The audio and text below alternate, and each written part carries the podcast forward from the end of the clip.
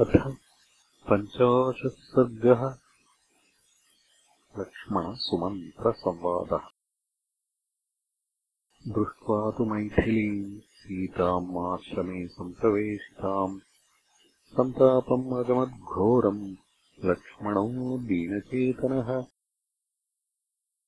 अब्रवीच्य महातेजासुमन्त्रम् मन्त्रसारथिम्।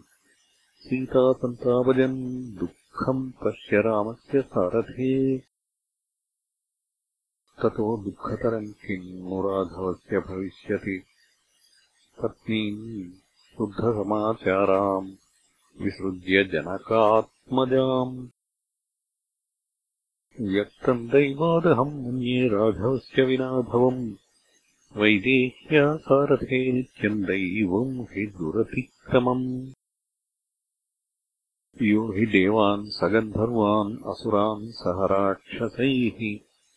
निहन्याद्राघवः क्रुद्धः स दैवमनोत्तते पुरा रामः पितुर्वाक्यात् दण्डके विजने वने उषित्वा नववर्षाणि पञ्च चैव महावने। ततो दुःखतरम् भूयः सीताया विप्रवासनम् पौराणाम् वचनम् श्रुत्वा नृशंसम् प्रतिभाति मे।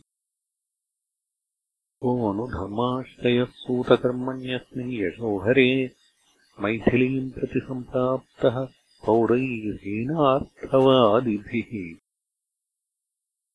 एतावाचो बहुविधाः श्रुत्वा लक्ष्मणभाषिताः। सुमन्त्रः श्रद्धया प्राज्ञो वाक्यमेतदुवाचः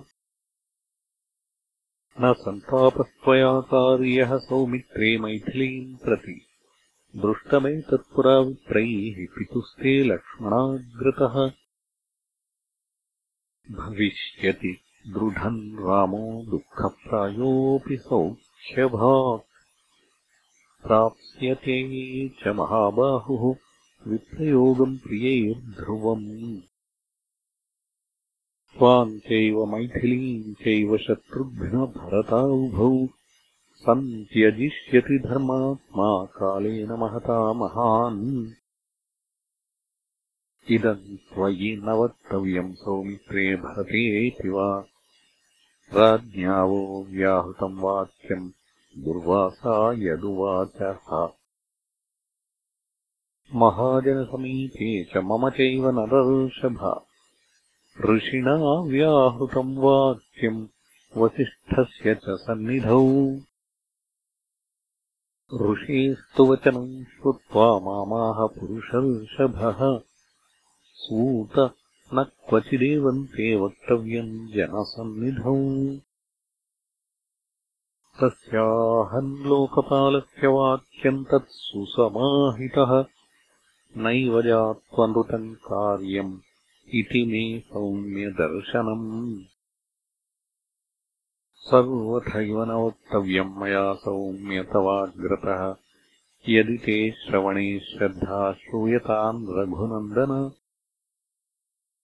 यद्यप्यहम् नरेन्द्रेण रहस्यम् श्रावितः पुरा तथाप्युदाहरिष्यामि दैवम् हि दुरतिक्रमम् येनेदम् ईदृशम् प्राप्तम् दुःखम् शोकसमन्वितम्। न त्वया भरते वाक्यम् शत्रुघ्नस्यापि सन्निधौ। तच्छ्रुत्वा भाषितम् तस्य गम्भीरार्थपदम् महत्। तथ्यम् ब्रूहीति सौमित्रिः सूतम् वाक्यमथाब्रवीतु इत्यार्षे श्रीमद् रामायणे वाल्मीकीये आदिकाव्ये उत्तरकाण्डे पञ्चाशः सर्गः